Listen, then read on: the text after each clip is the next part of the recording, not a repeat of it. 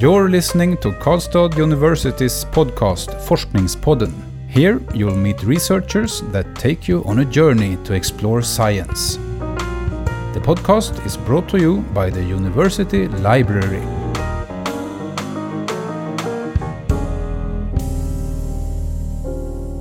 Hello and welcome. My name is Nadia. And I'm Magnus. And today we welcome Grace Yuan Yuan Chu to Forskningspodden. Is it okay if we call you Grace? Yeah, please. So, welcome, Grace. Thank you. You are a doctor of English and you're specialized in English literature. And today we will talk with you about your doctoral thesis, which focuses on three works by Charles Dickens. First of all, can you tell us more of what the thesis is about? Uh, yeah, I wrote about biblical allusion in Charles Dickens, uh, three of Charles Dickens' novels, and I call them uh, Condition of England novels because they address uh, his contemporary uh, social issues. And uh, I'm in particular interested in uh, the use of biblical allusion in these novels. Yeah, like who alludes to the Bible and uh, what biblical verses are alluded to, uh, and what effect uh, and uh, what's the purpose behind these allusions. How how did you become interested in this topic? Uh, I think it started um, with my uh, thesis when I was doing the master's thesis um, I worked with biblical allusions in uh, one of these three novels, that is uh, Bleak House.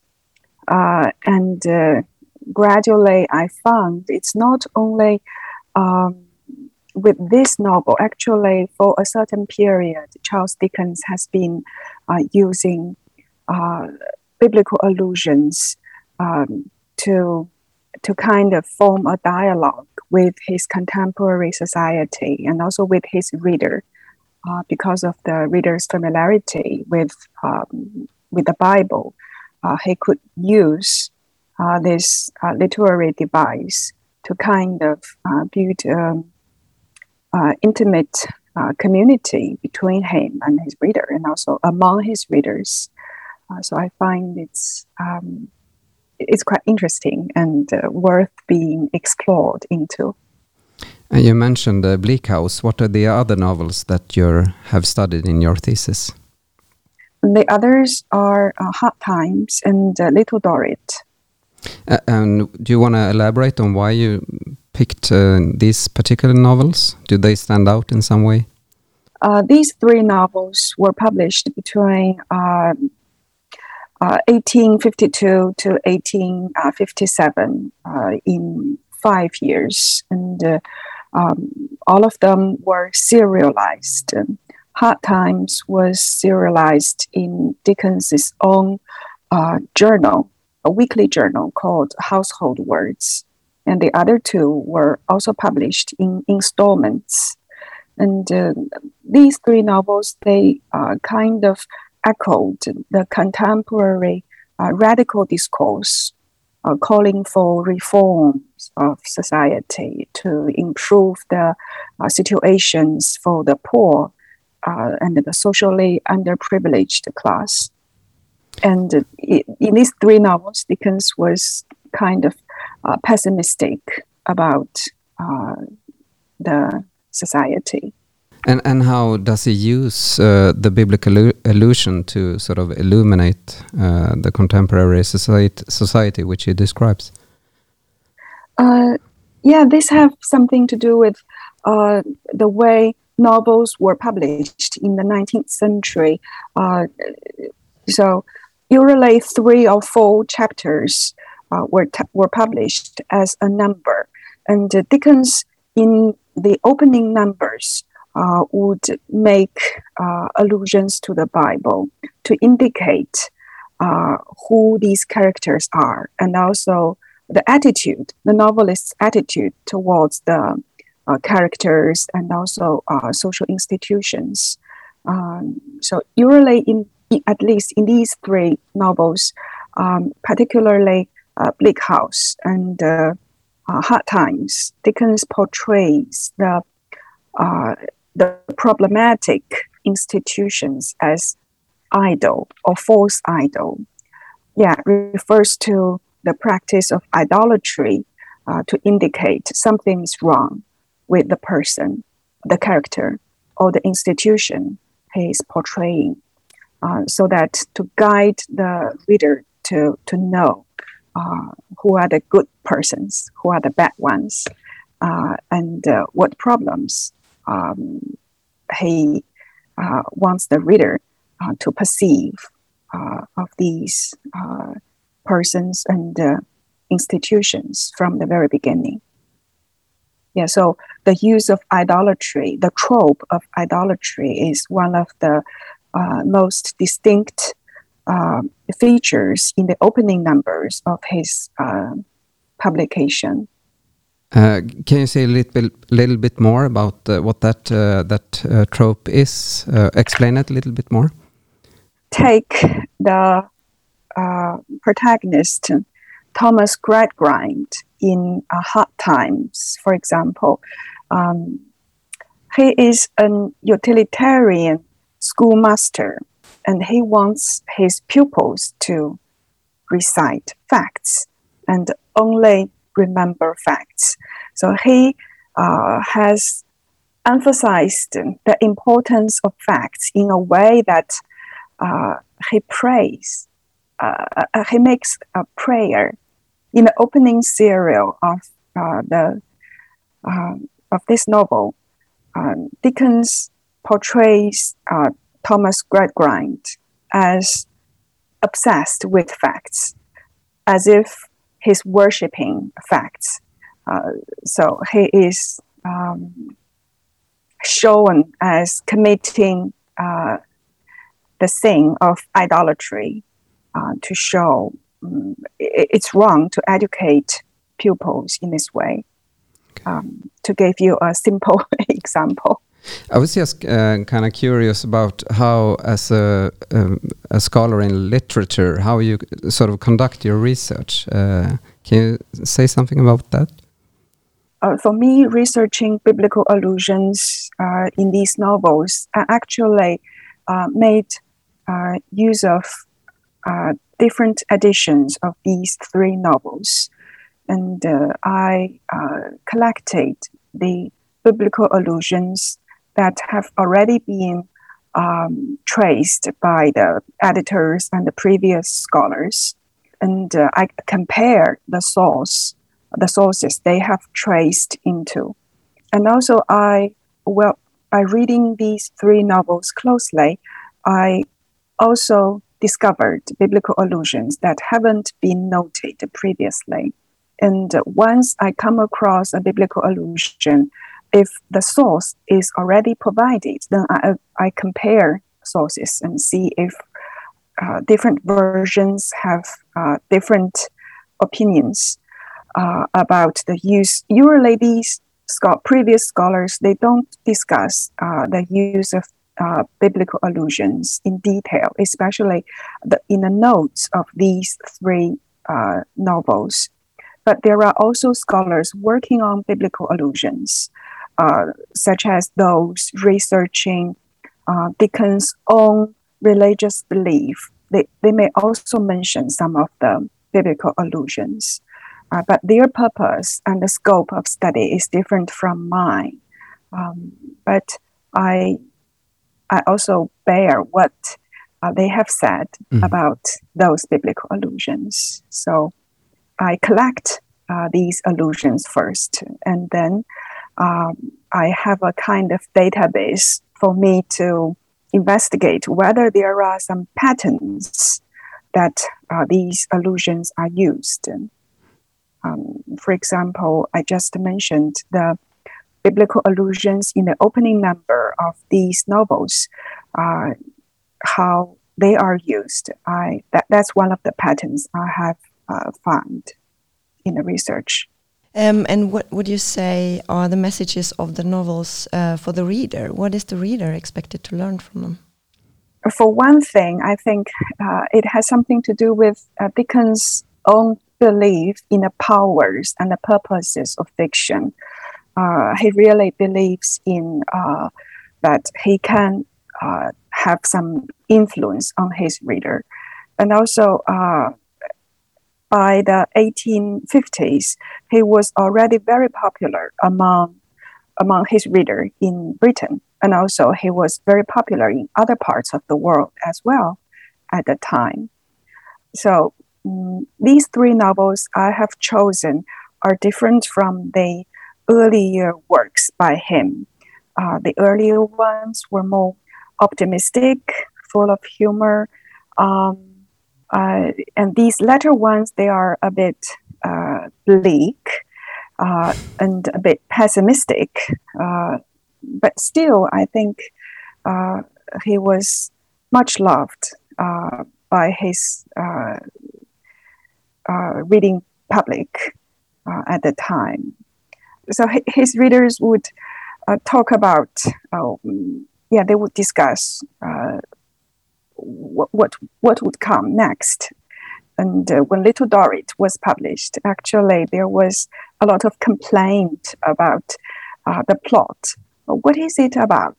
And uh, scholars at the time they argue and uh, uh, they even expressed uh, displeasure with with the plot, complaining that the plot is like the circumlocution office. This is a fictional office uh, invented by Dickens, and they complain the plot is like that office uh, doing nothing. Um, yeah, so, but I think that's his uh, strategy. He has uh, very uh, carefully designed the work before uh, they were published. So there is a purpose in writing in that way. Would you say that these are political novels? Social, both social and uh, political uh, uh, to some extent. Yeah. Because Dickens expressed his kind of disillusion with with the administration. That's why uh, he tried to call for people's awareness of the problems, the existing problems, uh, such as in um, Bleak House, the problems uh, in the Court of Chancery. Uh, and uh, in hard times, that's the uh, tension between uh, the workers and the employers, and also the problems with uh, education. and in Little Dorrit, that's the problem with administration in general, but the problem with the Treasury Office in particular. Um, so, yeah, I think it's it expresses his uh, attitude towards um, society and. Uh, I was also curious about uh, his use of biblical allusion. Uh, did that in a, in in any way sort of uh, pose a risk for him in relation to the church and religion, or was it problem free for him to use uh, references to the Bible? Yeah, he he he portrayed church figures usually uh, in a very uh, and he annoyed some denominations. Mm -hmm. uh, he was criticized by some uh, church figures as well. Uh, and what effects did that have for Dickens himself? You said that he was popular during this time when the, the books were published, but uh, um, was it okay for him? Did he sort of could he carry on after publishing these books, or did life become problematic for him after?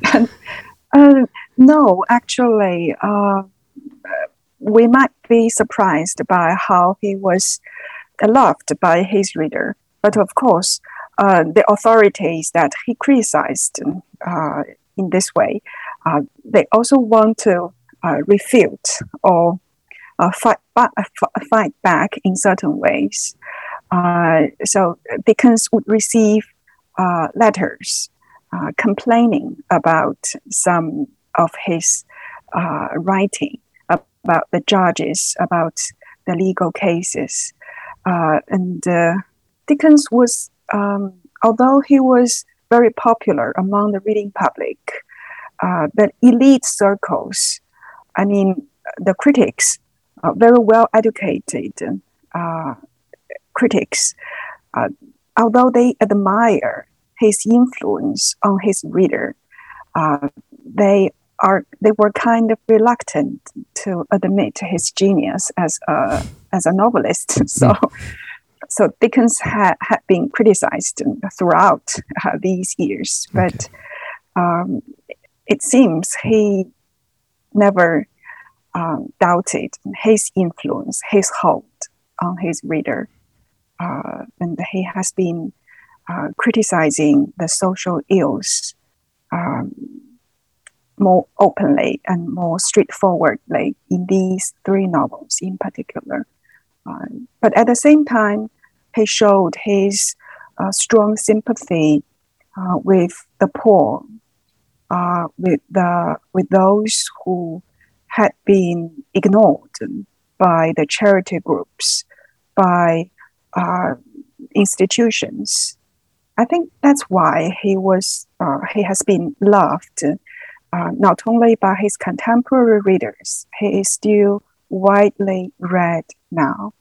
And maybe there we have a question too um, about contemporary readers. Um, uh, how do you think the novels resonate with uh, today's readers?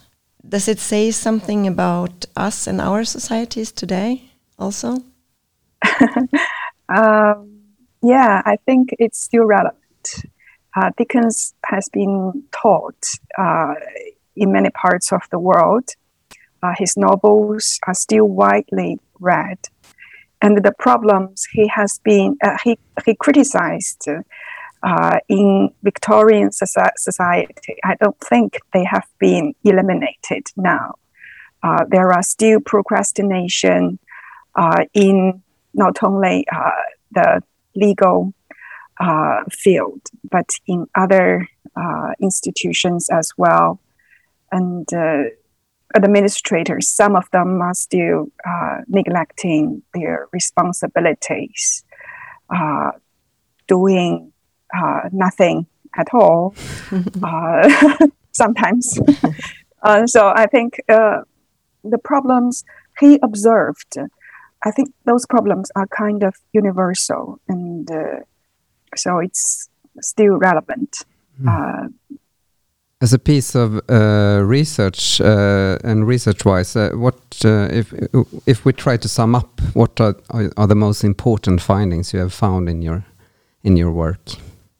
I don't know if it is the most important, but I think I uh, I've noticed some patterns uh, in these three novels, like uh, the use of biblical allusions in the opening number of the serialization.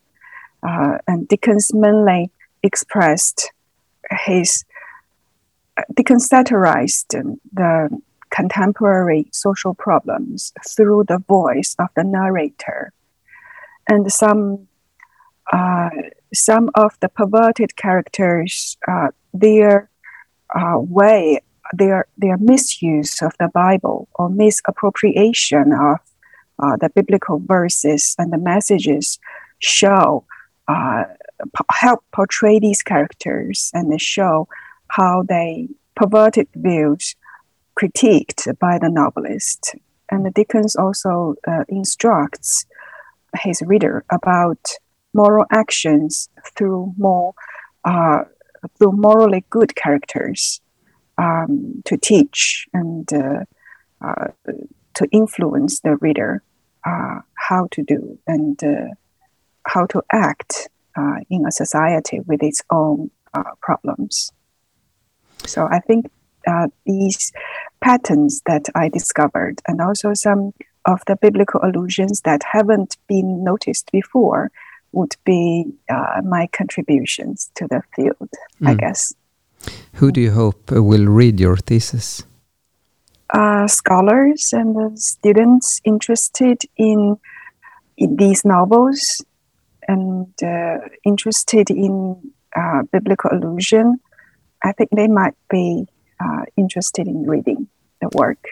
Yeah, I have sort of a personal question because my, my knowledge of the Bible is is uh, well, it's not very good.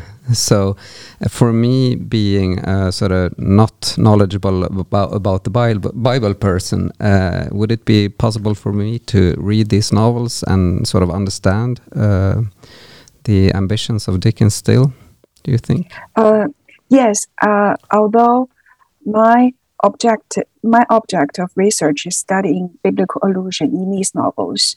Reading public, even without this knowledge of the Bible, can still understand these novels very well.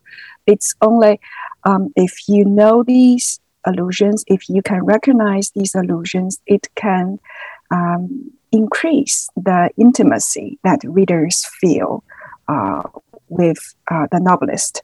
Uh, but without recognizing these uh, biblical allusions, I think you can still understand the basic plot and uh, the theme, the characters. Uh, I think no problem. Our final question, actually, how do you want to move forward uh, research-wise now? Uh, what do you want to study next? Will you continue with Dickens or any, any other uh, authorship? Yeah, I think I'm interested in in the 19th century fiction uh, in general.